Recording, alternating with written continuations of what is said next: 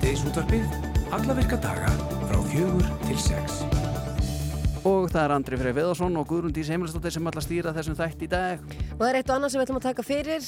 Þann 11. mæsiðasliðin fór í lofti vefsíðan sameri.co.uk og vefsíðinni stóð stórum stöfum We're sorry og leitt út fyrir að vefsíðan væri búin til og sett í loftið af Samherja til þess að beðast afsökunar og framfæri fyrirtækisins í Namibíu og var þar bótum, lofað og fullu samstarfi yfirvöld.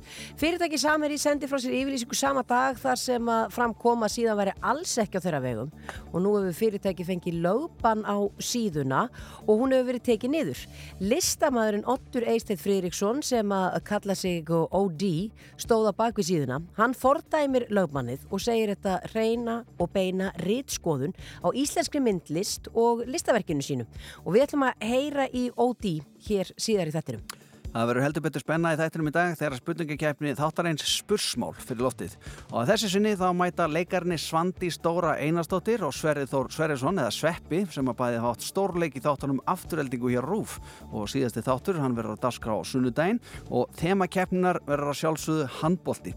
Og einnig munum við spyrjast fyrir um hugsand framhald af sjónsirinni. Það meina margir eftir sjómanstáttunum Sönn Íslensk Sagamál en Sigursteinn Másson var umsjónum að þáttana og handri sögundur um ára bil en hann var einnig þulur þeirra. Sigursteinn allar að koma til okkar eftir og við ætlum að ræða þessa mögnuðu þætti sem að nutu mikill að vinselda á nýjunda og tíunda áratu síðustu aldar og hafa nú gengið í endurníun lífdaga á Spotify. Nú, Ölvis Holt vann til þryggja veluna á European Beer Challenge, stóri alþjóðleiri bjórkeppni en úslitt voru kunngeri London í síðasta mánuði. Móri vann silfur, Baldur vann silfur og Lava vann gullvelun í flokki rektra bjóra. Keppnin var hörð og þannig var fjöldi bjóra frá 39 löndum og það er Valgir Valgersson bruggmeistari sem ætlar að koma til okkur eftir og segja okkur frá þessu ævintir öllu saman. Sennilega eru það ekki margir sem að vita að hér á landi er spilað rúbi og í Reykjavík er starfandi Rúbi félag Reykjavíkus og í kvöld þá verður vináttuleiku millir þeirra og áhafnar franska herskipsins Chevalier Paul. Birnir Óri Pétursson, hann ætlar að koma til okkar segja okkur frá sportinu, félaginu og andstæðingun Stoppfundur FKA Östurland, félags kvenna í atvinnlífi á Östurlandi var haldin í gær og þanga mættu týjir kvenna. Markmið þessara nýju deildar er að ebla konur, auka samtalið og fjölga tækiförum á Östurlandi. Og línunni hjá okkur er Heiða Ingimarsdóttir, verkefnastjóri upplýsinga og kynningamála hjá Múlaþingi, en hún er í forsvari fyrir deildina. Kondur sæl og, og, og blessuð Heiða. Hæ, hæ. Og bara til hamingu með þennan já, mikla áfanga. Já, takk fyrir. Við erum alveg brosandi, við erum ennþá að ná okkur bara niður eftir gerðaðin, brosum bara ringin, sko. Já, það var fjöldi hverna sem kom saman, eða ekki? Jú, við vorum svona að ræða þetta rétt fyrir fundin og vorum að vona að við myndum ná lámarkinu, sko, til að þetta var í löglegu stoppfundinu, það eru 25 konur, sko. Já. Uh, við enduðum á að þurfa að færa borð og eitthvað, því að það komi tætlaði 60 konur á staðin og svo voru konur líka í, í hérna, í gegnum Zoom og þetta endaði að vera rúmlega 100 konur sem að stóða á stopnun þessar deildar hérna fyrir austan þannig að við bara getum ekki annað en rosa sáttar sko. Það er ekkit annað og það mun sannlega bætast bara í á komandi vikum á mánuðum eða eitthvað er? Já, það er bara það sem við ætlum að vona. Það er líka bara því við ætlum að nýta þetta í að sko, ná konum af öllu Östurlandi saman. Veist, þetta verður ekki bara konur í múlaþingi eða konur í fjörðaböð heldur veist, að ná utanum bara allt Östurland. Mm -hmm. Og það er ekki vantörf á sko því að veist, við, það var einmitt að kom fram í einu erundinu í gæri að sko tölur síðan 2021 að sko munurinn á konum og köllum á landinu meðaltali sko 82% eru sérst konum með að launum karla en svo ef við komum hérna austur þá er það sko konur með 75% að launum karla í múlafingi og 63% í fjárðarbið þannig að við þurfum heldur betur að láta til okkur taka hérna. Já, þetta eru sláandi tölur. Það eru það, það eru það. Já. Og það voru haldið þarna mörg áhugaver erindi og þarna kom fjöldi hvenna saman sem að er að já, vinna bara að alls konar áhugaverðu.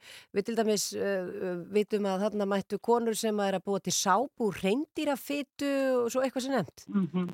Já, það er rosalega mikil framleiðsla og nýsköpun í gangi hérna á svæðin og list og þá erum við verið að nýta þessar auðlindir og, og þetta sem við höfum hérna í nærumhverfinu eins og einmitt bláklukkuna sem er bara hérna fyrir austan og það er verið að nota trindýrin og þetta og svo náttúrulega er 75% af hérna æðadúni í, semst, í heiminum, í heimsframlegslu frá Íslandi og það er verið að fullvinna hann á borga fyrir Ístri. Já, þannig að það, er, það er ótrúlega tölur, maður var ekki alveg búin að gera sér grein fyrir því að 75% af öllum æðadúni í heiminum kæmi. Nei já, hér? Frá Íslandi? Já. Nei, nákvæmlega, nei, þetta er, þetta er mikil öðlind, sko.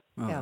En hvernig stendur það því að svo mikil aðadútinn á Íslandi? Er, eru við bara svona döglega samnum saman eða bara svona mikið af, af dúni hérna? Sko, veistu, Andri, ég get ekki svar fyrir það, nei, en nei. við erum náttúrulega döglegt fólk. Já, ég veit að það, það er rétt svar, það er rétt svar. Takk ég. En þið, þið eru bara rétt að byrja. Þið ætlaði að láta til eitthvað taka að því að þessi launamunur kynjana, eins og úr þetta að segja, konu séu með hvað, mm -hmm. 75% af launum karla og 63% af launum Já. karla í fjárabögð. Var, var það, það þannig? Já, það er rétt. Já. Það er rétt. Já, þetta er, þetta er sláðandi. Já, já, svo bara, þú veist, við erum langt, við erum langt frá, þú veist, við erum hinum einlandi við með því hvað þið eru og svona og það voru alveg hérna, FKA-konur hérna á svæðinu fyrir áður en við stopnaðum deildina. En alltaf með deildinu verðum við miklu sterkara því þá eru við komin með svona rekklíf sem fyrir FKA-konurnar hér, veist, þannig við getum hist og við getum staði fyrir viðbörðum sem eru þá líka kannski svolítið sniðnir að okkar þörfum og því sem við vitum að þarnast hér að því að svo eru við bara öll ólík og, og hvert landsvæði mjög ólíkt. Mm -hmm, mm -hmm. Og þær konur sem vilja ganga í félagið eða vilja taka þátt uh, þurfa, er, þurfa að uppfylla einhver skilir þið eða hvernig er þetta? Sko, það er talað um, uh, sko, um stjórnendur og leiðtva Um, leðtói er bara mjög tegjanlegt hugtak og konur eru bara leðtóar pontur. Já. -hmm. uh, þetta eru bara ágættis loka orð held ég heiða Ingemundsdóttir, uh, takk kjærlega fyrir þetta og áfram konur á Östurlandi. Já, takk fyrir kjærlega, gaman að heyri ykkur. Semleis, bless, bless. Já, bless, bless. Óbáslegu kraftur er í konunum fyrir austan. Og þegar hún var að tala um bláklukkuna við, við náttúrulega erum ekki alveg hlutlösuna fyrir austan. Já, nei, nei, nei, ég, með, ég á tvo bláklukkubotla upp í, oh. í, í skápjámi þetta minnir mig bara ég á engan, er það ekki? þú vænt að þetta ekki að drekka úr tveimubotlum ég broti handfangi öðrum þannig að það skal patta annan. ég, ég skal taka það maður brotna, ekki í móli tími, ok, flott, takk nema hvað, allt í góðu. Já, já, eh, Sigursteinn Másson hann er mætt til að garfellum að spjalla en rétt á þetta Fyrst og fremst með þér. Við erum Rástföð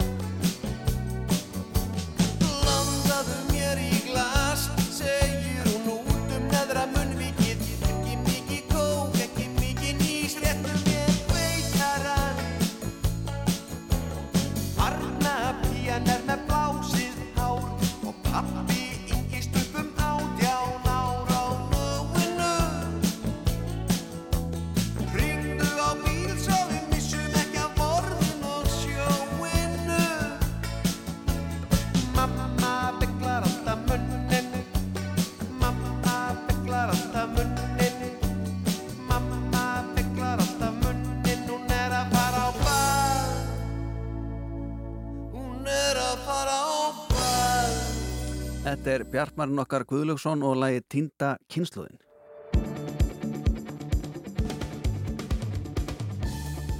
Það muna margir eftir sjónvarsáttunum Sönn Íslensk Sakamál en Sigursteinn Másson var um sjónamæði þáttan á handriðshöfundur um ára bil en hann var einnig þulur þeirra og Sigursteinn Másson hann er hinga komin til okkar. Við ætlum að ég ræða við hann um þessa mögnuðu þætti sem að hafa nú líka bara gengið í endunni í lífdaga meðan svo Spotify. Góndur sætlu blessaður. Komið þið sæl. Storytel. Storytel. Það er annað. Það er Spotify, Það er þetta- annað. það er grænt og svart. svona. Já. Erðu, Það er þetta er samt alveg er rétt. svona- Ég fekk nefnilega á þann en e, það var þetta, ég gatt sótt þetta þanga líka en já, já, en Storytel. ertu reyðubúin til þess að fyrirgefa Já, ég hef verið að íhuga það. Mjög alvarlega. Já, fyrirgeðu þetta Sigursteinn minn. Ha. Góðulegi. En þessir þættir, Mm. magnaðir þættir og Takk. það einhvern veginn tengja, ég held að það stórluti þjóðarinnar tengir einhvern veginn þegar þetta rættir um sakamál, það bara heyri, heyri það röddina þína hljóma í höðunar. Mm. Já, það er svolítið skrítið. Maður er svona óbáslega skeri, sko. Um, já, sko, þetta er orðin 25 ár Já. frá því að hérna, fyrstu þættirnir voru gerðir. Um, Hugsjón hafði samband við mig og baði mig um að gera uh, handrit og hafa um svona að fyrstu seríunni sem var fyrir rúf og þeir voru síndir hérna 99 þeir þættir, þetta er 24 ár síðan þetta er náttúrulega alveg ótrúlegt sko. Tíminn líður. Já, og svo eru sko núna þessi þættir á, á Storytel og, og, og það tókst svo- að svona móka inn þáttum í, í, í COVID-inu sérstaklega. Um, og það eru sex nýjir þættir sem eru að koma núna og hérna þá eru þeir orðnir allt í allt uh, svona hljóðbókar þættirnir 38 Mm Og er þetta ekki nota mikill að vinsa þetta? Jú, það er víst, þetta er uh, gengur mjög vel sko, Já. segja þau. En sko, þegar þú er búin að vera svona mörg ár að gera þætt um íslensk sakamál, Mm. þá hugsa maður með sér, ok, hann þarf að fara að kafa ansi djúft og þegar kemur ný séri að hugsa með, sér bara að, þeir geti jafnvel bara verið. Og í síðustu viku í mjótinni þá gerðist það strætópistjórun okkur. Þú veist, ertu með, að að þú, þú lítur að þurfa einhvern veginn að finna alltaf nýtt og nýtt. Maður býtur hund. Já, sko þú veist, ég var nú bara í ræktinu núna á þann og, og hérna þar uh, hitt ég mann sem að uh, fór að segja mér frá alveg óbúslega áhugaverðu sakamáli sem ég hafði bara aldrei heyrt um og hafði ekki hugmynd um. Þetta gerist alveg mikið svona. Já, það er miklu meira af málum heldur en uh, margur heldur. Mhm.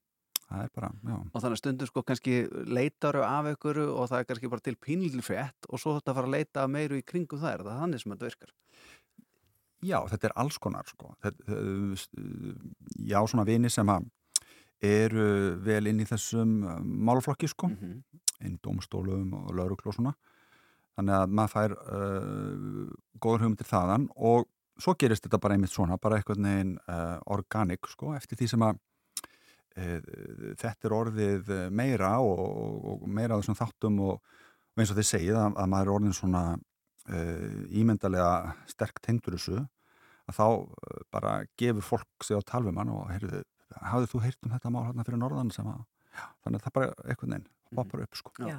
En en formatið á þessu, af því þú varst áður að gera þetta í sjónvarpi og nú ert að gera þetta fyrir Mm. Storytel, svona útvarp, uh, maður Mhm. getur orðað þannig. Já. Hvort er skemmtilegra og hvernig ert að vinna þetta öðruvísi? Um, þetta er bara allt öðruvísi sko. Eh, þetta er, þetta er alveg ótrúlega ólíkt í rauninni að, að, að vinna þetta. Um, það sem að maður tekur fyrst eftir þegar maður færi sig yfir í útvarp um, eins og þið kannski hafi tekið eftir sjálf, er að það er auðvöldra að fá fólki vitur Mhm.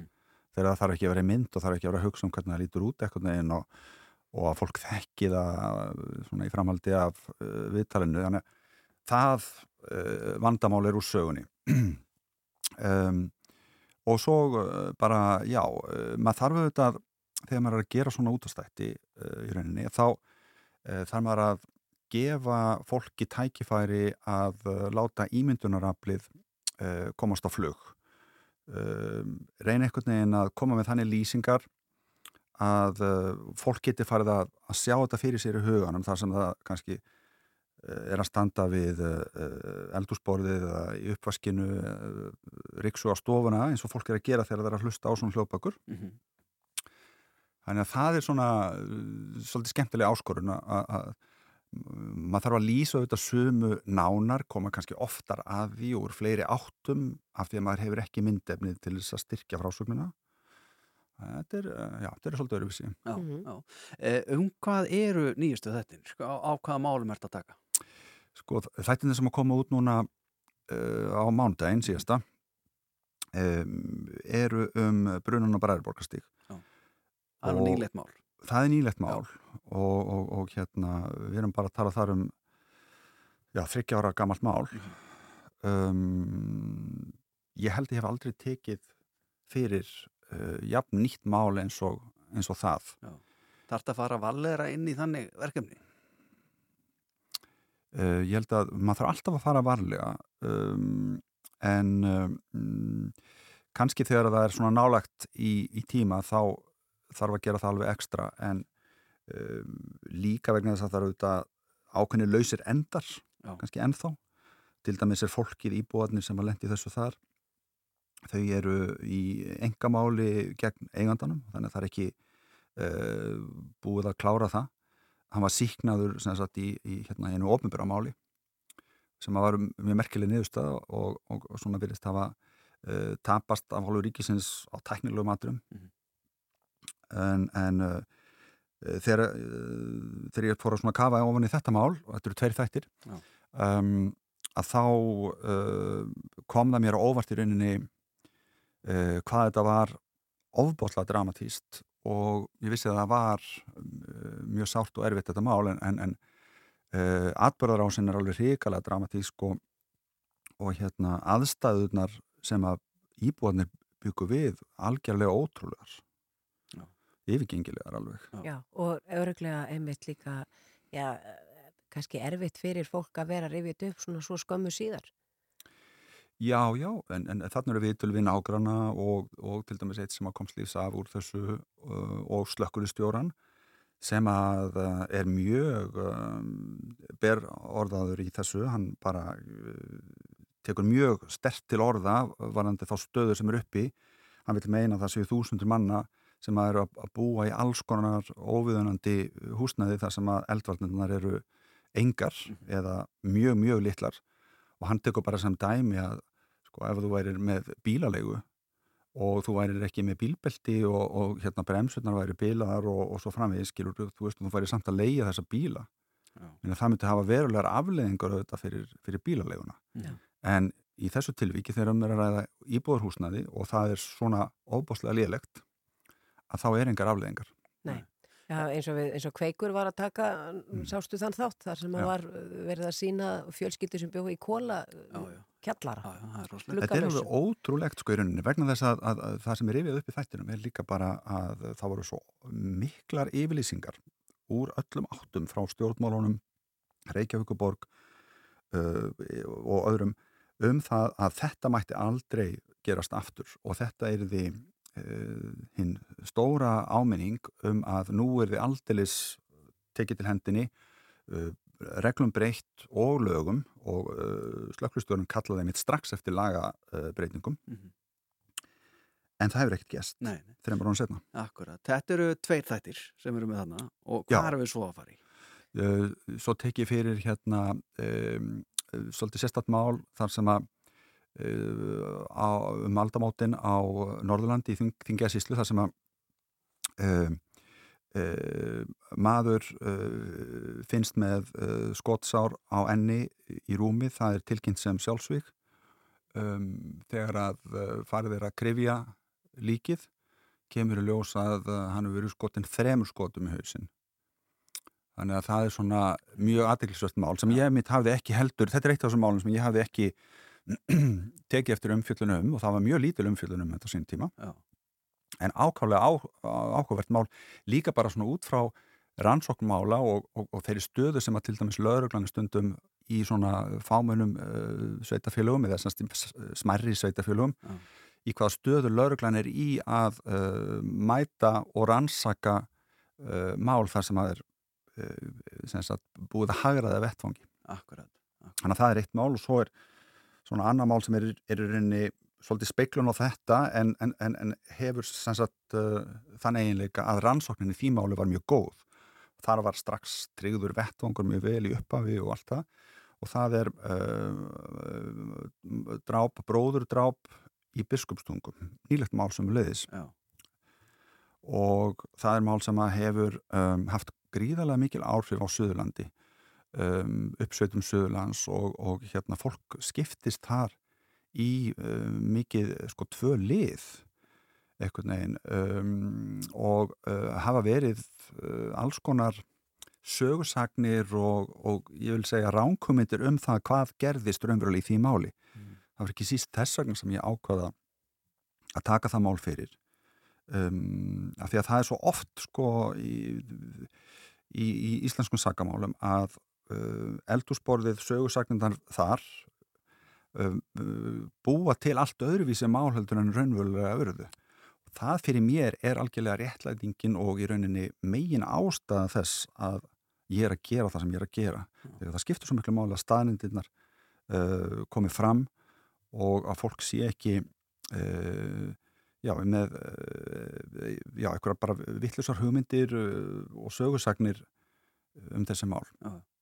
Og svo um, fjalla ég líka um hérna hérna á svo kalluðu vindmilubræður sem að fengu mikla umfyllun hér í, á, á rúfosninu tíma og í öðrum fjölmjölum og það er svona meira upprifin á því máli en, en, en, en uh, sérstaklega er ég að taka fyrir þennan trúfélagsvingil það er auðvitað mjög aðklæmsvert að við erum hérna með eitthvað 55 trúfélag þegar maður ferir við þann lista að þá er alveg örugt að uh, það er ekki allt uh, sem sínist en við búum náttúrulega við þau lög hér að uh, þú fari endugreitt eða sem þú fari greitt frá úr ríkisjóði og það er raunan ekki endugreisla, það er bara greisla úr ríkisjóði með það hversu marga þú ert með í, í trúfélaginu. Og í þessu tilviki þá var þetta orðið eitt af stærstu trúfélagum landsins líklega eitt af þremur stærstu trúfélagum landsins með rúmlega 3000 uh, uh, sapnaði meðlemi og náttúrulega þetta lofórðum að fá allt endugreitt uh, það fekk fólk til þess að fara í þetta ekki uh, hinn eldheita trú á súisma Mm -hmm. og þannig að þetta finnst mér að vera mjög svona, já, aðtillisvægt mál og, og hérna ég um, er þarna til dæmis með viðtal við uh, fullur og síslamansins á, á Norðurlandi Eistra sem fær þessi trúfélögöld í fangið og, og, og það er bara ennbætsmaður þarna fyrir Norðan afskaplega saminskusamur og góður ennbætsmaður sem að bara hefur það hlutverk að hafa eftirlit með trúfélögum Mm -hmm. og hvernig ætlar að hafa eftirlit með því að, að eitthvað sem er stopnað svona um, að það sé raunverulega einhverju virkni í gangi að, að fólk sé að mæta uh, á fundi og samkomur og samkomur og, og tilbyðja Mm -hmm. uh, þetta eða hitt Ég veist sem að það er margir hlustundur síðan sem sem er að hugsa núna, ok, hérna er bara easy money, sko. Þetta er þannig Já, já. og í þessu tilviki náttúrulega eh, sko, þetta voru 30 miljónir á, á rúmlega það sko, hátt í 40 miljónir á, á ári sem er bara frá ríkinu rann til þessara aðila Búbót, Það er rosalegt. heldur betur. Sko, Sigursteinn, ég, ég veit ekki með þig, Andri, en það er allavega búið að kveiki mér. Já, Ég þú maður að klára hana þátt svo getum fara að hlusta. Ég er bara, það er kvítarsunni helginni komin Já, ég akkurat. rosalega mörgum núna. uh, Storytel, Sönn Ísles Sakabál, bara heitir þetta það ekki, maður flettir þessu. Það er víst, Það er bara svo leiðis. Sigursteinn Másson, bara til hammingju með þessa nýju seríu og uh, takk fyrir komuna. kæra þakkir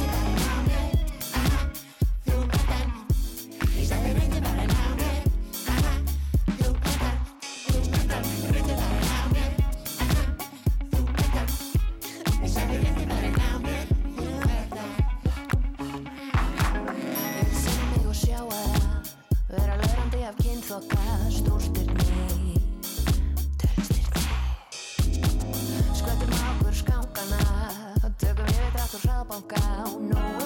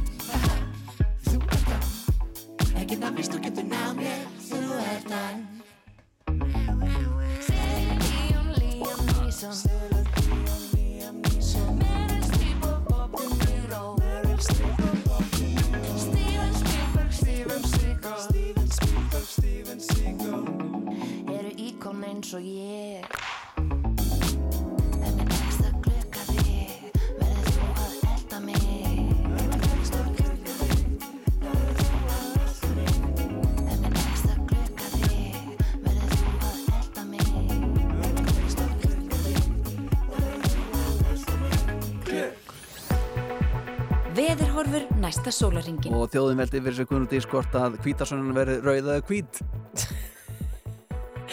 Ég nefnilega, veistu hvað, Andri, ég held ég að hún verði kvítekstur á háldur. Já, já, já. Ég, ég veit, vissi ekki hvað ég ætlaði þegar ég heyrði í Ó, fréttum í morgun að það væri von á snjókomi. Þetta er sumar, eða þetta er vorhettið. Látið ekki. Já, á miðusumri. Já.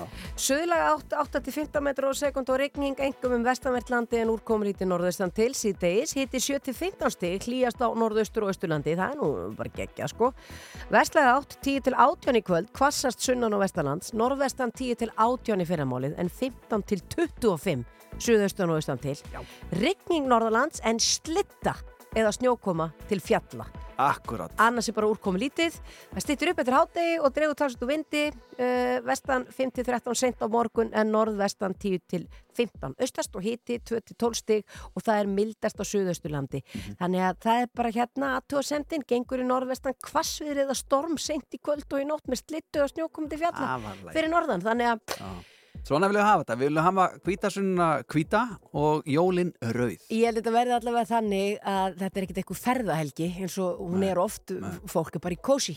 Í gamla daga, Gunnar Dís, Já. á þessum degur 1885, þá hefði veðrið kannski verið þokkalegt því að Garðirkjufélag Íslands var stopnað þá. Já. 1885. Ég hafði eitthvað tilfinningur að fólk bara á þessum tíma bara vildi bara helst ekki tala við næsta mann, svona með myndir af fólki á þessum tíma. 1885? Já. Já, svona Allir svona einhvern veginn svona, "Ó, ekki talaði mig. En þarna var stofnað félag, Garðirkjufélag Íslands, Mhm. frábært. Uh, Jóhanna Vítis Arnardóttir, uh, Rödd Rúf, hún á ammal í dag, fæðist þessum degur 1968. Já. Já, já, og uh, það er nú annar hérna sem að, nú kollegi okkar að félagi, Gunnar Hansson, hann á ammali dag líka. Á hann ammali? Já, hann á ammali dag. Hann gaman. Hann fæðist þessum degur 1971 og varðskipið ægir, hvað aldrei það hafa gert á þessum degur 73? Mm, Skaut föstum skotum á tógaran Everton já, sem var á veiðum 20 sjómilum innan 50 milna marka. það letuði bara vaða. Hmm, já, já, Svakar. og mikill leiki kom á tógarnum en, en ekki eru slis á mönnum sem betur fer. Nei. Því að eh, við e, áhafnir varskip okkar þeir kunna skjóta á hennu skip. Já. Nú, sænska söngkonan Loreen, hvað aldrei hún hafa gert á þessum degi? Jú, hún er allavega, er hún ekki einhvers staðar að spóka sér núna? Hva, hvað gerði hún á þessum degi? Að Sigraði, spóka sig eitthvað stað með sigga? hún hefur örgulega sigrað söngvakeppina á þessum degi árið uh, Árið hvað? 2000 og uh, búm, búm, búm, búm, ef að segja 13, ég man það ekki. Það er ansvar, það er árið 2012 Jæja, ég var nú mjög svo eitt ár. Já, En heyrðu, hættum að tala um Yes. þetta, við erum að fara að uh, tala við bruggmeistara. já Tonight, tonight eternity's an open door. No, don't ever stop doing the things you do. Don't go. And every breath I take, I'm breathing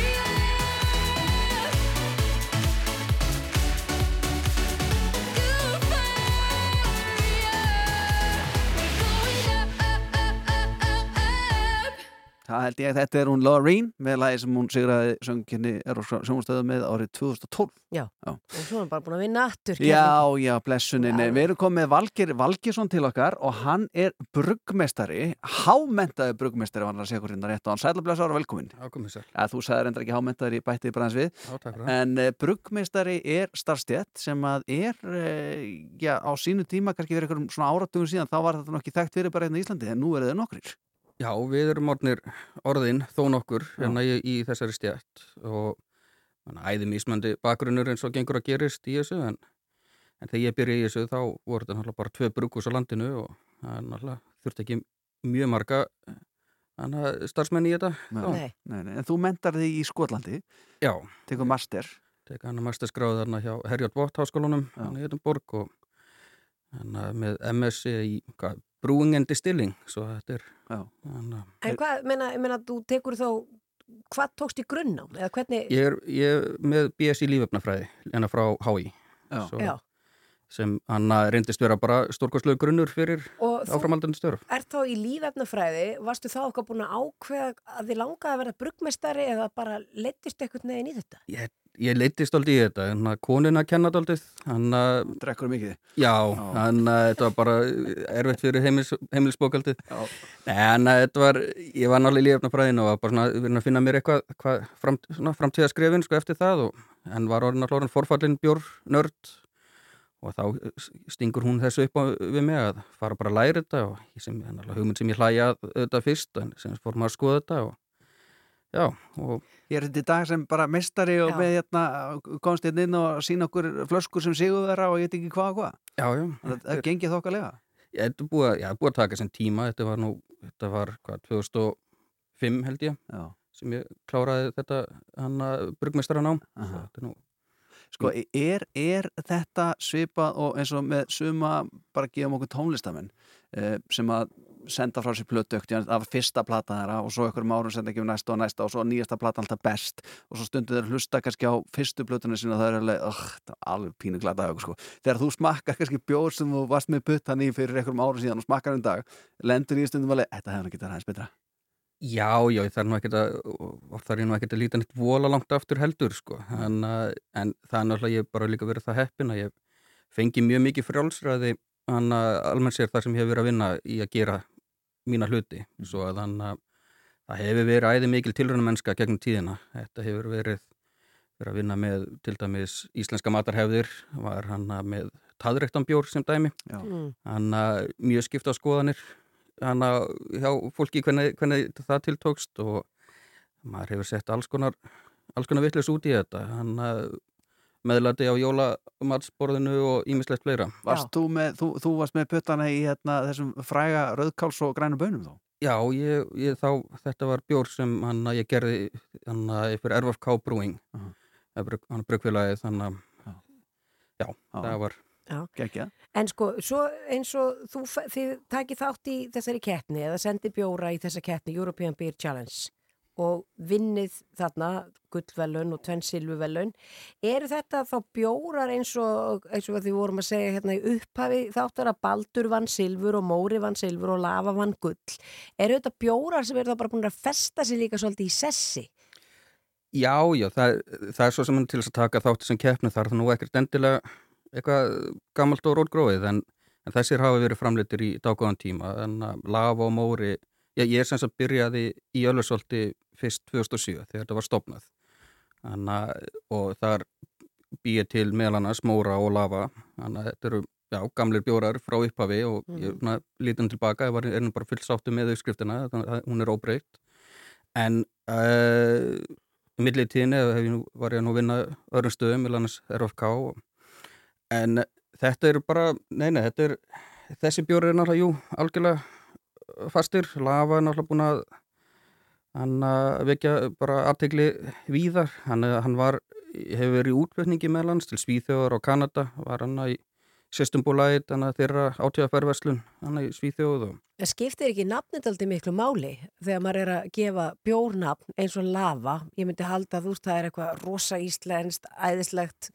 Er það ekki bara alveg sleggja þetta nafn? Jú, jú, svo náttúrulega við erum hann út um bruggustyrnar er, þar er hekla Já. og hann að það er og mynda heklu, já svona e- e- á nú vera eitthvað skonar mynda af heklu en á frá miðanum og, og hann að ég hef alltaf, ég hef alltaf verið tilbúin með hennar uppskrift hann svona sér útgáfi af lava sem verður bara bruggu þegar hekla gís en það er nú fann að vera doldið Hann kemur, kemur. Já, Gunnar var að veltaði fyrir sér í dag hvort það er ekki sniðu hugmynd sko að e, þeir myndu einhvern veginn svona tengi ykkur við Shaggy lagið Mr. Lover Lover en getur gett Mr. Lava Lava Já, er það ekki góð hugmynd? það er bara spurning hvort að þú vil- komir ekki með mér á næsta vörðrónafund og þannig Na? Þið dauða færi að klárlega þarna ó- óplæður akur sem þarf að Já.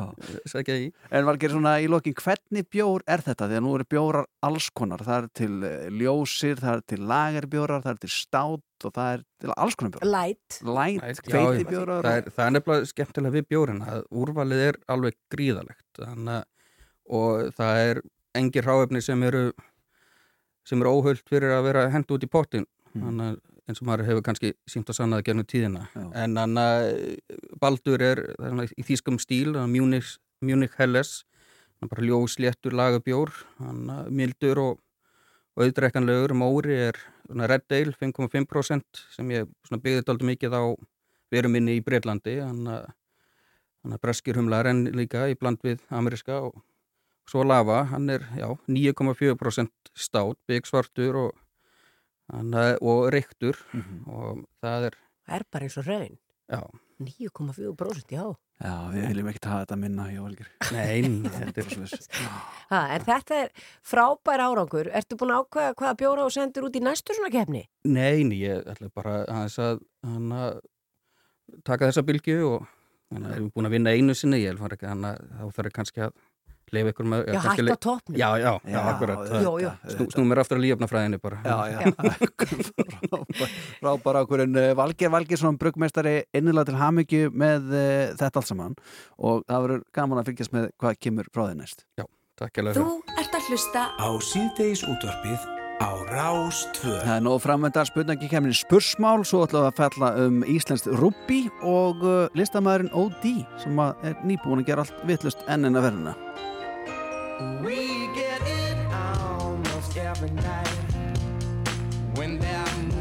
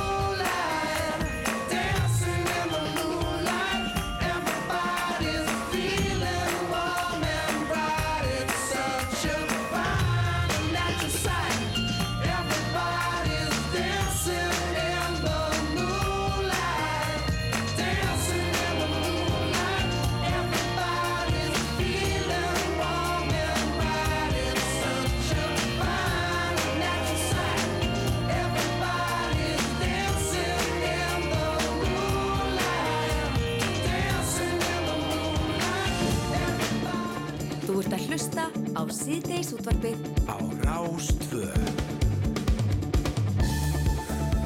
Það var komið að, eh, já, stund sem að margir eh, hlustundur síðan út af sem að beðið eftir. Það er, eh, við verðum að fara að henda okkur hérna í spurningakefnina sem við höfum í mánaðlega sem Já. að heitir svo mikið sem spursmál. Það er frábært nafn á þessari keppni. Já, þú getur þakkað skellingum hlustundum okkar það því að þau komið þessa tilvæg. Já, einmitt. Og við ætlum að, að eh, já, við erum alltaf með svona tema tengdar keppnir og uh, við vorum með stjórnin á sín tíma, þá vorum við bara með spurningar um stjórnina og uh, svo vorum við með þá bræður Átna og Gústa B og þeir voru með uh, tertuþema. Já, þeir voru að byrja með eitthvað kökuþáttu, það ekki? Jú, tertukast, tertukast.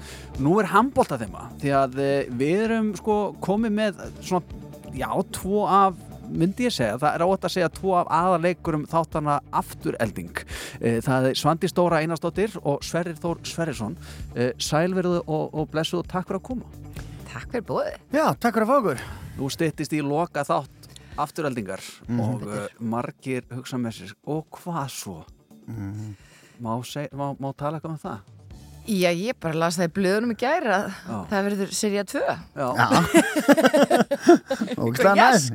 gaman Já og frettu það bara það eða? Já, Það, ég, sko, það, ég held að sé nú alltaf þannig að það er alveg sama hvað Rassu skrifar einhverja seríu, hann er alltaf að hugsa um seríu 2 Já, það er alveg sama, þú sest núna, þú ert alltaf að pæli svona hvernig þú getur látið þetta enda þannig að sé möguleika seríu 2, þannig að þetta sé opin endir eða eitthvað, ég held samt að það sé ekkert endilega eitthvað opin endir þarna, þetta er samt bara svona áhuga að vera karakterar, manni langar mm jafnvel að sjá meira af þeim sko. Já, það var alveg svona, það var samt pínu meðvita hjá að það er möguleiki áframhaldi, sko. halda því opnu sko. Já, já, já. já. og fylgja þessu fólki eitthvað áfram Já, það er alveg gaman að fá að vita meira um það sko. en þetta er gríðarlega vinsælt þetta er, uh, þetta er mest sótt til dæmis í spilara rúf og er, já, ég er bara upplust um það Já, allavega, já, já, bara, allavega var það í síðustu viku Því líka upplöstun, já, Já, algjörlega, algjörlega.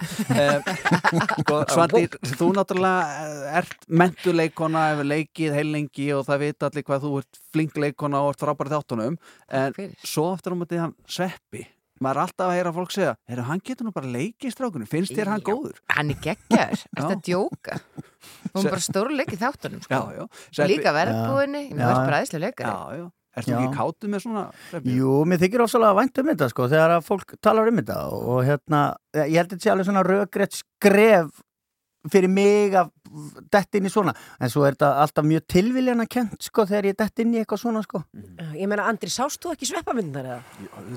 Oft er ég búin að Það myndir? búin að vera náttúrulega endurtekningu heima hjá Já, manni. Og. Kardimómi bæri maður í er, Já. hann, er stórleikari. Algjörlega, það er samt svona, það er minna tekið eftir þegar maður er að leika grín eða sprell sko Mm. þegar maður leik, er að leika eitthvað aðeins meira drama þá er svona meira tekið eftir sko ef það er, skilur, það er, Það er líka kannski bara sko. því að fólk býst við því að þú sért góður að grínast, að því þú ert svo góður að grínast Já, og það kannski kemur svona skemmtilega óvart þegar Mhm. þú ferði í dramað Já. og bara, wow, heyrði, hann er, svo eins og, þú fjölhæfur. veist þegar Adam Sandler sem er náttúrulega besti leikar í heimi Mhm. Þegar hann leki í Uncut Gems Já, þá voru allir bara, vá, hann getur leikið akkurat. ég vissi að bara strax eftir Billy Madison sko. Já, þú ert með þetta leikar eðlið þú segir, takes one to know one eins og þið segja sko. Já, já. Nú, nema hvað, eru þið svona, eh, það sem maður kallað eh, hvað er að kalla á íslensku, svona method acting svona þegar fólk einhvern veginn sittur sér ykkur að karættir alveg heilingi og ná sig ekki úr honum og eitthvað svona. Nei, Nei. bara alls ekki sko. Ég held að sé, ég held að sé mjög fáir ég, held, ég þekki engan. Nei, þetta er, þú veist, þetta er svona í bandaríkjunum. Þetta og er svona rosalegt ef maður er ef maður væri að leika barnanýðing maður. Já, agalegt, band að vera í meðút Já, já. Jésús, nei líka bara, þú veist, þú ættir að fara heimtíðin með veist, það væri bara það þú er veist, bara það vil ekki búa með minni þá. Nei, það er líklega, ég veit um eitt sem að hefur sko, sko þegar Jón Gnarr var að leika Georg Bjartfræðason Já, þá var hann með svo afgerandi útlit Mhm. sem að var bara, hann raka á sig skalla og var með þetta skegg hérna og allt svona. Já, og hann var alltaf þannig heima hjá sér líka. Það er svona kannski það næsta sem að einhver leikari hefur komist method acting sko, þegar þú með eitthvað svona ákveði lúk sko. Er ég mann þegar þú komst til okkar uh, þegar að við vorum að ræða þegar afturhelding var ekki einu sinni farin í tökur þetta var hérna, bara fyrir löngu síðan að þá, einmitt, þú ert náttúrulega doldi vel kunnur handbólta Já, ég var í handbóltæði alveg í 20 ár sko, Já, eða rúmlega það með það er ekki eitthvað sem allir vissu um þig, Sverris Nei, ég ber það ekki,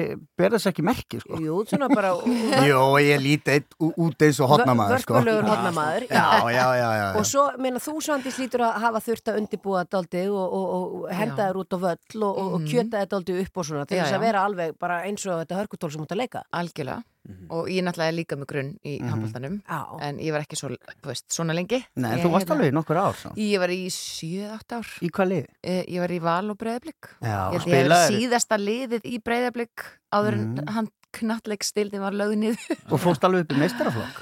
Nei, þá hefði þurft að skipta um lið. Þá Já, var ég svona að fara aftur í Val Já. en svo var ég bara að keppa í hestum og mentó og, og svona þannig þetta, er, bara. eru úthugsaða ráðningar að fá ykkur tvö í, í þessi hlutverk. Í, já, kannski sko.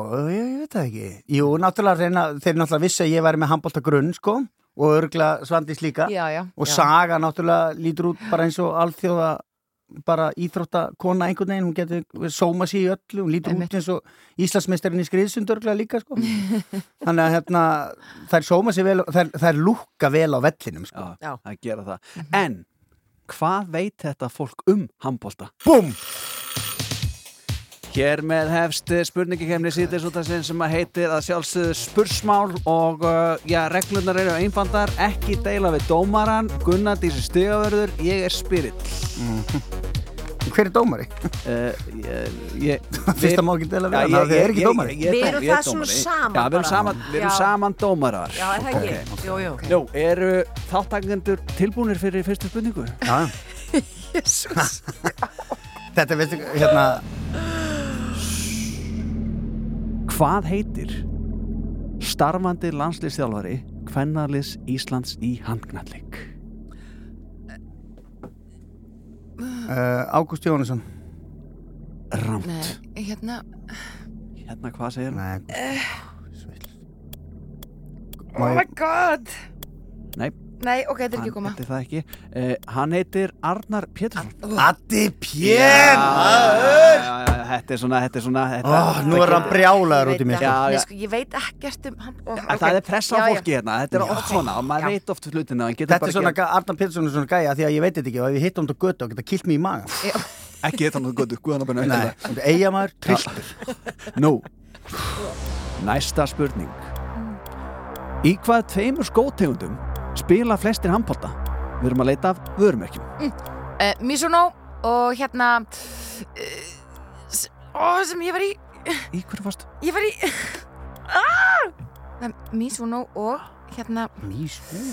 Já, Mizuno Og ekki A- Asics Asics, nei, jú það er eitt rétt Hún var eitt stig fyrir þetta Það er vissulega Mizuno Já. Já, svo er það. Adidas. Það er rétt Já, Ó, nei, ég var Það eins og manna eitt stig Ég var og- öðru Nú, í hverju varst þú? oh, Ég Reebok? man það ekki, nei, Nike? Varst ekki Adidas? nei, ég var ekki? Adidas Hightech?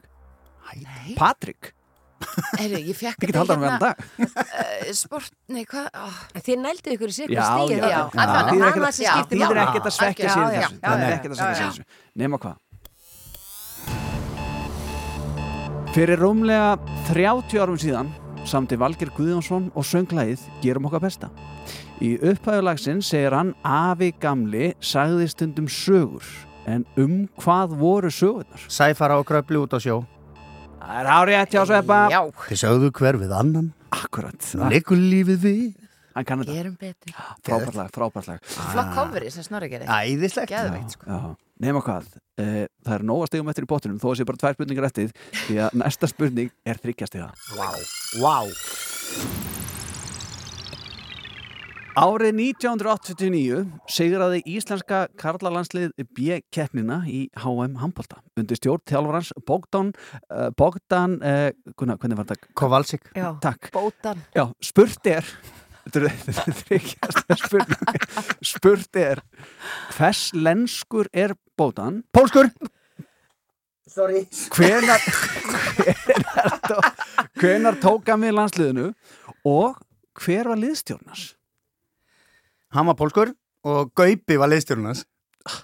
Wow, og hann tók við 87, var það ekki? Nei Ég segi 86. S- Sveppi fætt tvö stig þarna, það var 1983 83? Já, Ok, það ok, er herrans ár ok Já, já, nema hvað Vá. Það kom að loka spurningu, spursmál spurningi kemni sittis út af sinns minnum fólk á það að þetta eru stórleikarnir eh, Svandi Stóra og Sverri Þór eh, eða Sveppi sem að leika í þáttunum afturheldingu sem að myndi greiðalega vinsalda gera rúf sem vonast þær Eitt besti handglæntleiksmaður Íslands fyrr og síðar er án Eva Ólafur Stefánsson. Hvaða númer var á landslýstreyju hans? Hvaða númer var á treyju Óla Stef? Hann var nummið 10. Vá, ég var að hugsa það. Það er ekki nóg að hugsa. Maður þarf líka að tala. Nei, var það tíu? hrikalega fréttir fyrir sveppa því að það er ránt Oh, ok, eins gott að ég sagði það ekki. Heyrðu, þá hérna hugsa ég uh, 23 eins og Jordan Jordan. Það er ránt Býtu, býtu aðeins, býtu. Hvað var Óli Stef númer? Býtu, hvað ruggl er þetta? Já, Ekki var hann sjö nei, Nei, ránt ekki hann var nummer 11 11. Já, hann var nummer 11 og þetta var Tvöfaldur spurning ás. Já, Þetta var loka spurning uh, spursmáls uh, Guðrúndi Simonsdóttir, stigavörur kennar. Hva, hvernig fóru leikar? Eh, Leika fóru þannig að sveppi sigraði með naumundum. Takk, takk sko. Það er bara svo les, við látum þetta gott heita og Svandís tók annarsæti, kipti annarsæti Já, það var bara það sem hún gerði, alveg bara fekk silfrið. fast á hælan og ef ekki að gefa sveppa bara ágætis klapp. Jú. Takk. Já, Ég ætla ekki að gera svo pappi minn sko að því hann þoldi ekki að tapa, hann hataði silfur. Já. Af því að það þýtti að hann að tapa sko úslita leik Mm. þannig að hann vildi frekar eiga bronsið. Mhm, Já. Þú vinnur Þannig brons að- já, en ég ætla ekki að kasta því hausunar Vitalínu sem ég fekk hérna um Góð hálsin heimsbyggi, enga síður. uh, og við vonum að Arnar Pétursson kýli sveppa ekki maga næsta en heitir hann. Mhm. og ég ætla að þakka ykkur kjallega fyrir þáttökuna hérna í takk, Ásand að fá okkur og bara njótiði helgarnar sem er vist löng. Já, Já, heldur betur. Station Já. Við ætlum að, að hlýða hér á laga með Benson sem ánum músikin í þáttan. Heldur betur, maður Frábær, hérna er lagið hans uh, Super Time, þetta var vissulega Super Time þessi keppni Mhm. og það verður Super Time á sundarskvöldi þegar loka þáttur þessara serju afturöldingar fyrir í gang. Takk fyrir mig og okkur og, og bara njótið helgarnar. Fyrir, takk fyrir okkur in the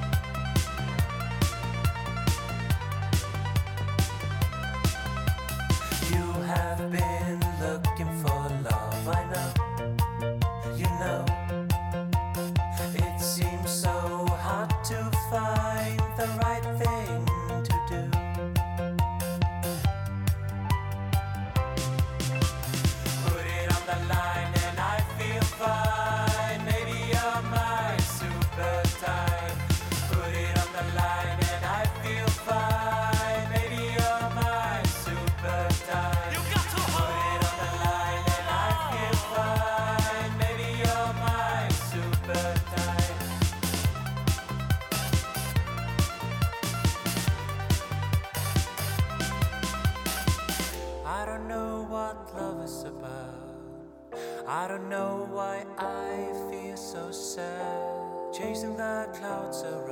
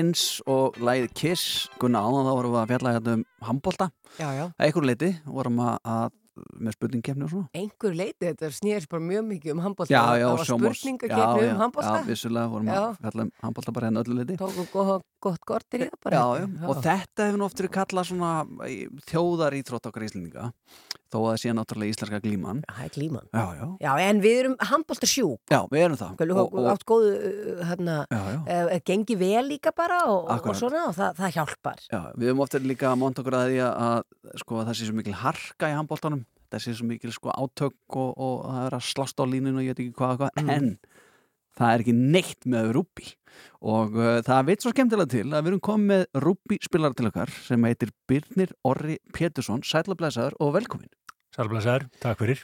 Nú, uh, Rúbi er íþrótt sem að já, ekkert svakalega margir vita er yðku hér á Íslandi en staðrændinu svo að, að það er til Rúbi félag Reykjavíkur Já, það passar. Við erum búin að vera virt félag frá 2011 og erum með Rúbifélag Reykjavíkur og vorum með Rúbifélag Kópavóks sem við erum ennþá að byggja upp aftur eftir COVID og síðan erum við með hérna Rúbi Ísland sem svona sér um þróunastarfið okkar. Já. Ég, ég verð náttúrulega bara að byrja á að byrja þig um það að útskýra fyrir fólki hvað rúbi er. Já, erðu, Rúbi er svona uh, daldið kontakt í þrótt.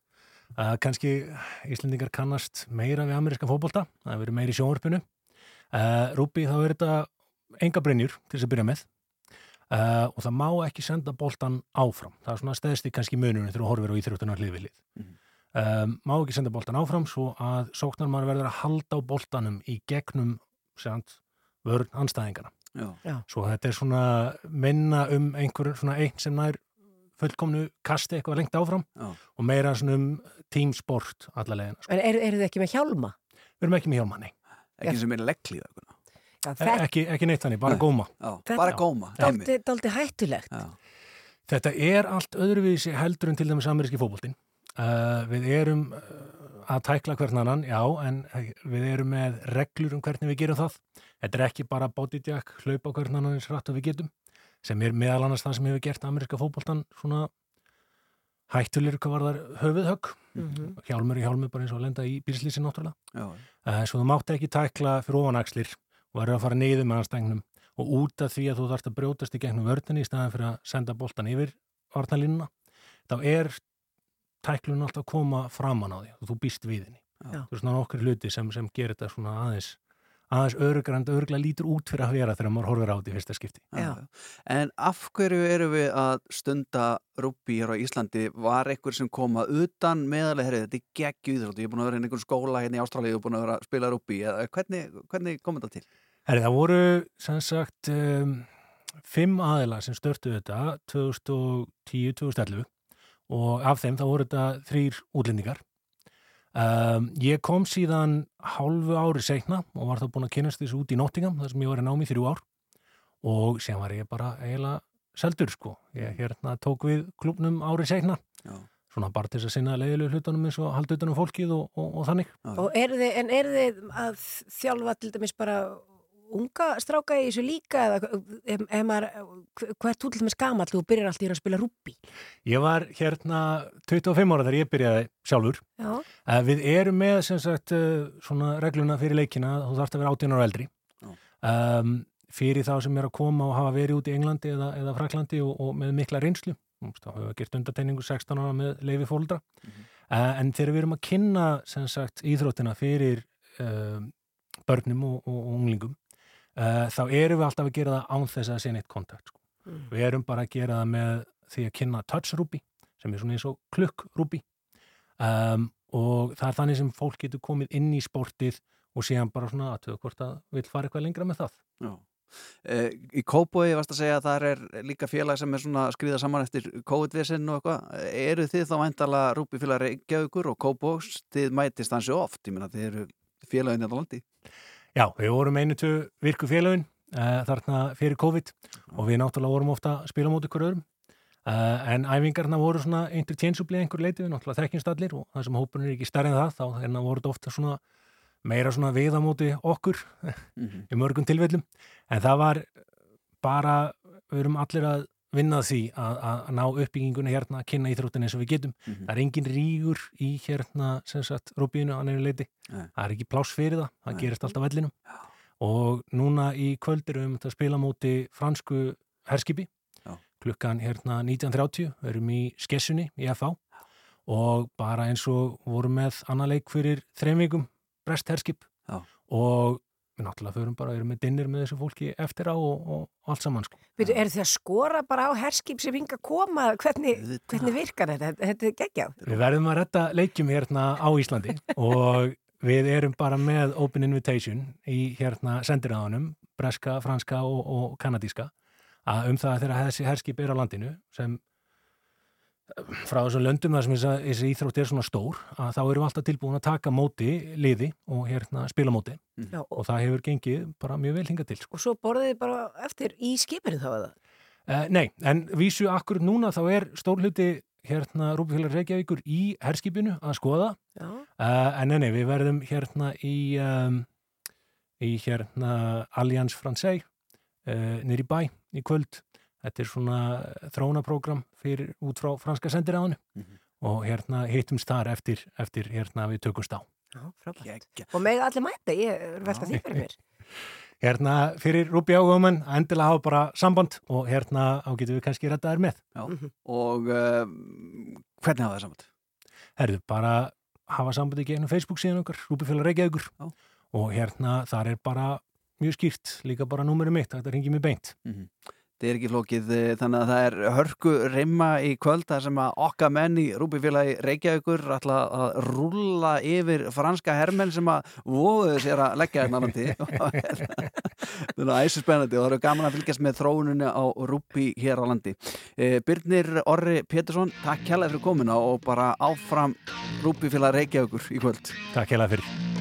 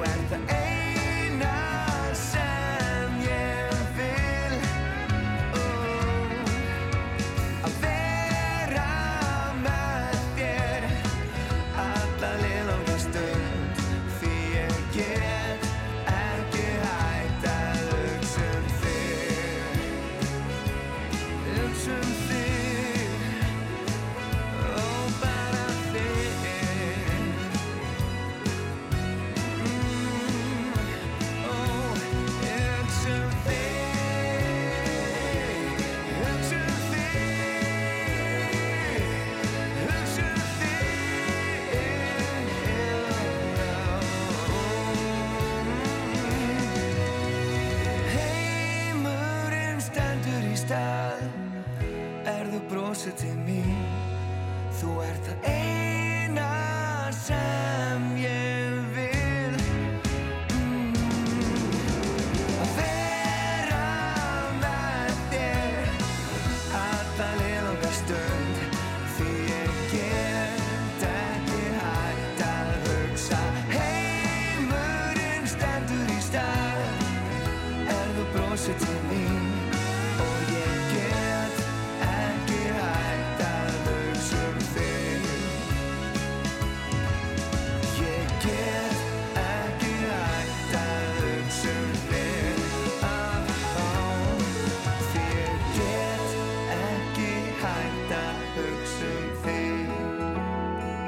Þetta er Reymur og lag sem heitir Get ekki hægt að hugsa um þig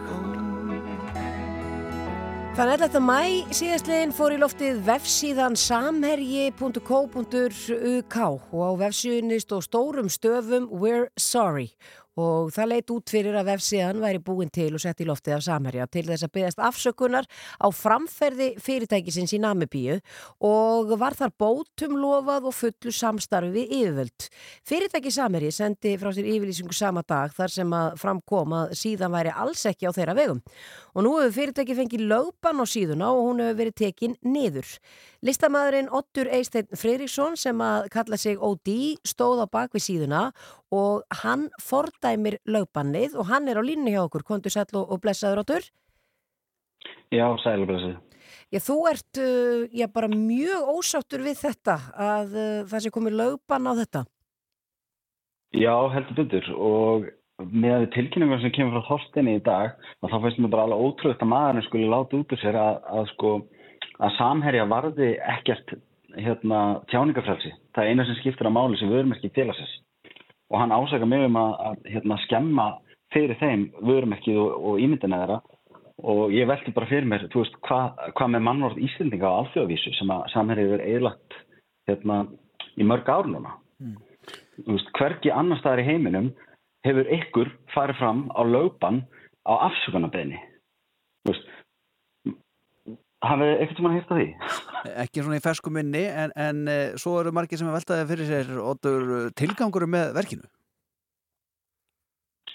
þú veist, hann er hann er náttúrulega bara uh, þetta er náttúrulega bara einlega afsökunarbeini uh, til nambísku þjóðarinnar frá, frá fyrir hönd Íslendinga, frá mér uh, þú veist hérna til dæmis bara með þetta mál maður hefur hýrt að að, veist þeir eru að reyna að semja, semja allt af sér öll dómsmál og allt eins og hérna þeir getur með uh, hérna, skattrannsóknstjóra núna nýlega greiptu sekt og máli á fell niður.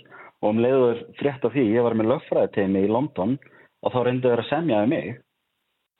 Ég sagði við þessa norsku lögmanstofu bara að þeir mættu veist, fokka sér og samherjum að fokka sér. Veist, þeir, þeir fóru fram að flýti meðferð þarna fyrir dómarum í London til þess að tryggja að ég get ekki varið mig sem að, sem að Þorsteinn segir í, í, í yfirlýsing í dag að, að mér hafi verið veiktur hæfilegur frestur til varna. Við erum að tala um minna en tvo sólaríka Mm. til þess að ég geti varið mig málfrelsi og, og listaverki mitt. Óttu, nú er búið að taka síðan og niður, en hvað gerist meir? Lendir þú í eh, einhverju tjóni, fjárháslegu eða öðru slíku vegna verksins?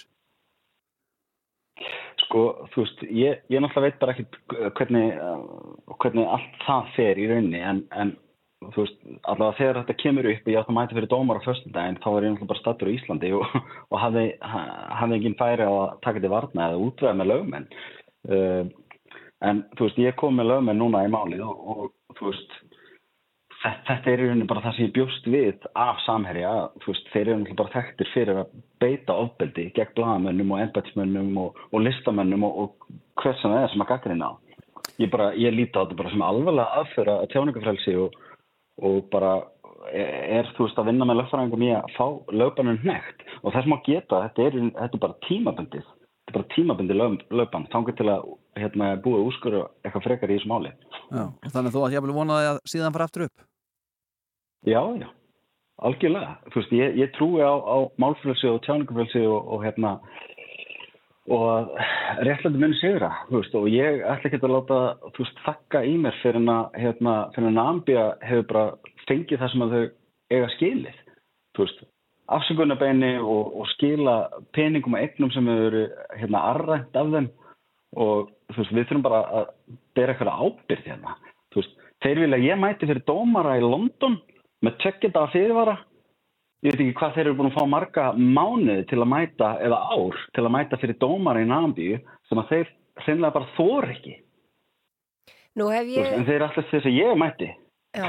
Þú veist, ég, ég, ég hræðist ekki neitt sko, ég skal fara til hérna, London, ég skal fara til Nambíu ég skal fara hvað sem er og nú hef ég ekki, ég sá ekki þessa síðu þegar hún var uppi, að því að það Mhm. búið að taka hana niður. Uh, á Já. síðunni uh, var það einlagur ásetninguðinn eða eitthvað, leitið þetta út fyrir að þetta væri samherji með þessa yfirlýsingu eða kom einhvern veginn í ljósa að þetta væri listaverk, Uh, ég, nú er ég bara að spyrja þig. Sko það al- alveg verið hérna, mjög auglust frá upphafi að, að hérna, þetta gæti ekki verið raunveruleg afsökunarbeginni frá samherja uh, þó svo að það sé sem að nambíu menn hefðu helst vilja að fá og eiga skilið veist, og, hérna, og það verið í allri fréttaumfjöldum verið að fjalla um þetta sem uh, annarkort að þetta sé ekki, ekki heima segja frá samherja eða, eða þetta sé listaverk sem að ég bara hef gefið út ofinberlega að sé listaverk og, og hérna, hef ekkert farið lengt með það Mhm. Eh, Óttur, eh, sko, þú hefur nú þó nokkru sinnum komist í, í eh, já, lendi í fjölmiðlum eh, vegna svona umdeldra verka og maður veldi yfir sér hvort að, já, þú sért svona einn af þessum listamönnum sem að ert eh, að pröfa eitthvað neginn mörkin eh, og svona sjá hvað þú kemst upp með. Er það alltaf upplegið í listaverkum? Það er svona hrist upp í fólki og, og aðeins að íta já, svona, ég veit ekki, svona einhvern veginn að testa. Ég skal ekki segja, þú veist að hver og eitt listamæður náttúrulega hefur, hefur hérna, sína tólkun og tilganga á, á sinni list að sjálfsögðu. En, en ég get alveg sagt að fyrir mínu hönd þá er þetta búið krauma í mér síðan ég sá hérna, sá lekan á Wikileaks skjölunum þessi 30 30.000 skjöl sem kom í Fishrot Files þú veist, að, hérna, og ég sé þetta hérna á kveik og allt í sera og út um allt. Bara við erum búin að gera okkar fýbla alls alþjóðvísu í einhverjum hérna með einhverja nýlendu stefnu í, í Namibíu Þú veist, alveg, alveg því ég var bara reyður, sko, þetta er bara búið að krauma í mér og ég bara þakka ykkur fyrir að lega mér að hérna, koma og tjá mig um þessi mál, af því að ég, ég er bara reyður og vill bara þú veist, innilega að byggja nambi hérna afsökunar. Þú veist, þetta er veist, og, og Íslendingar hafi ekki einhvern veginn fengið tækifæri til þess að lýsa yfir stuðningi eh, við Namibíu í þessu. Þú veist, það sýti allir bara að býða eftir hérna einhvern dónsmálum og hitt og þetta og ekkert, ekkert krælur og ekkert gerist. Ottur Eisteit Fridriksson eða listamöðurinn O.D. Takk kjærlega fyrir spjallið. Það verður frólægt að fylgjast með eh, já, framveldi þessa máls. Takk fyrir. Og hér er næst komið að eh, tónlistamanni sem heitir Shaggy. Við vorum að tala með þetta fyrir þættinu, við vorum að ræða bjór, Mr. Lava Lava og nú er lagið It Wasn't Me. I don't know how I let this happen. But who? Girl next door, you know? I don't know what to do. So it wasn't you. Alright.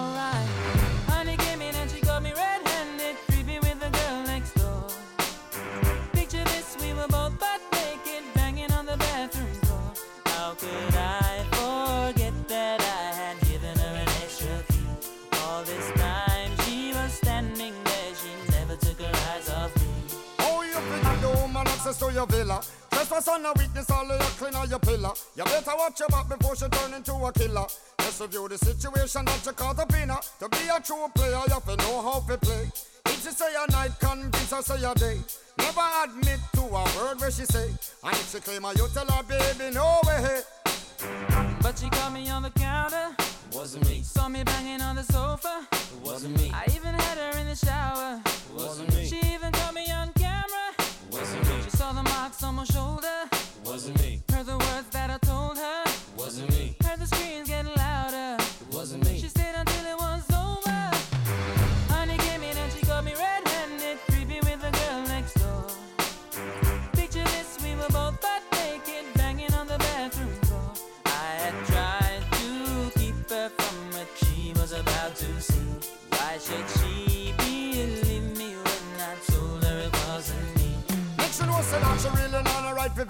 I never you should see I make the trigger low flex. As somebody else in favor you in the complex. Seeing is believing, so you better change your specs. You know she a go bring a whole heap of things up from the past. All the little evidence you better know for mass. Quick for your answer, no off it talk. But if she back a gun, you know you better run fast. But she caught me on the counter. Wasn't me. Saw me banging on the sofa. Wasn't me. I even had her in the shower. Wasn't me. She even caught me on camera. Wasn't me. She saw the marks on my shoulder. Wasn't me. Heard the words that I told her. Wasn't me. Heard the screams getting louder. Wasn't me. She stayed until it was over.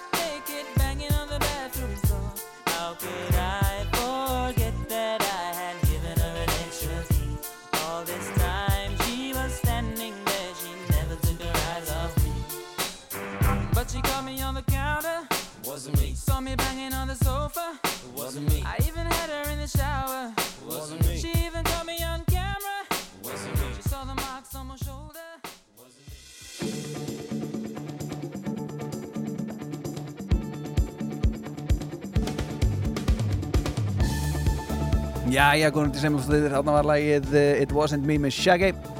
Já, þetta er, er all, þetta er alltaf gott lagandri. Þetta er eiginlega besta Shaggy-lagið, það fyrir minnst fyrir Shaggy í laginu.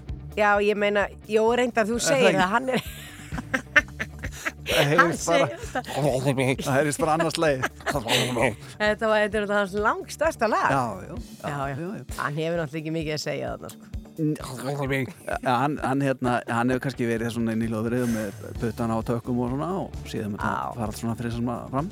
Já, flott. Já, ég mikið óbóst að það er búið að vera gaman hérna dag. Ég bara að segja það.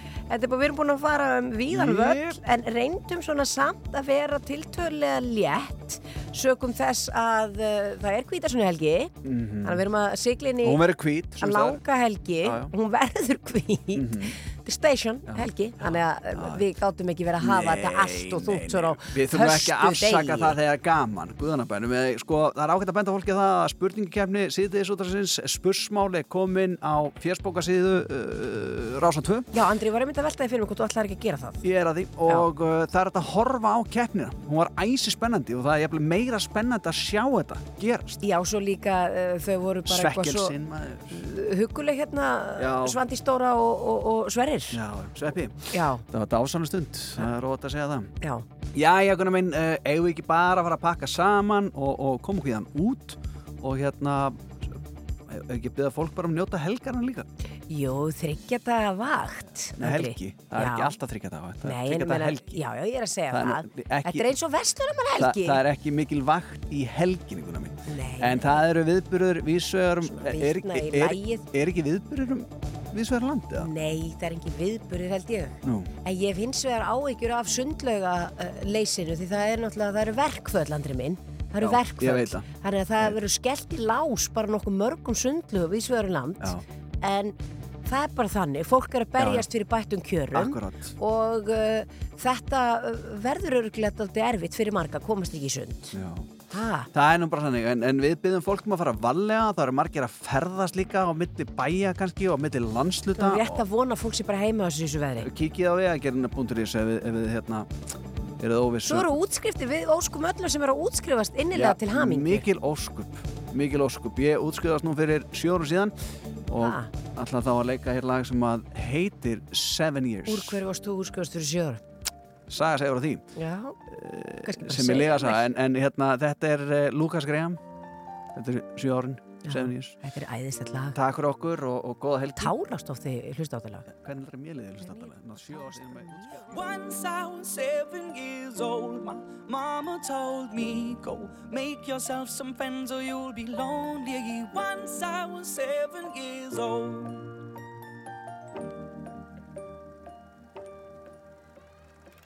It was a big, big world, but we thought we were bigger. Pushing each other to the limits, we were learning quicker. By 11, smoking herb and drinking burning liquor. Never rich, so we were out to make that steady figure. Once I was 11 years old, my daddy told me, Go get yourself a wife or you'll be lonely. Once I was 11 years old.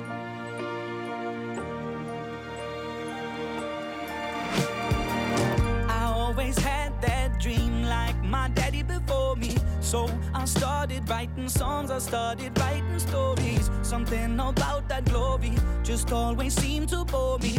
Cause only those I really love will ever really know me. Once I was 20 years old, my story got told. Before the morning sun when life was lonely.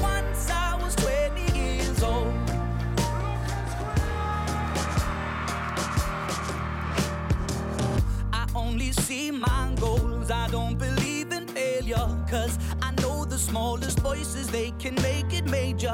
I got my boys with me, at least those in favor. And if we don't meet before I leave, I hope I'll see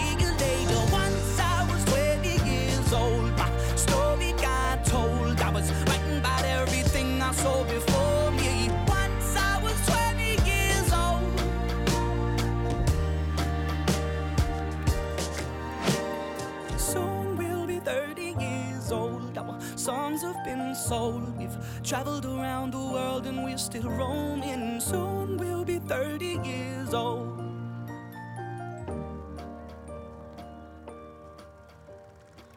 I'm still learning about life. My woman brought children for me, so I can sing them all my songs and I can tell them stories. Most of my boys are with me, some are still out seeking glory, and some I had to leave behind. My brother, I'm still sorry. Soon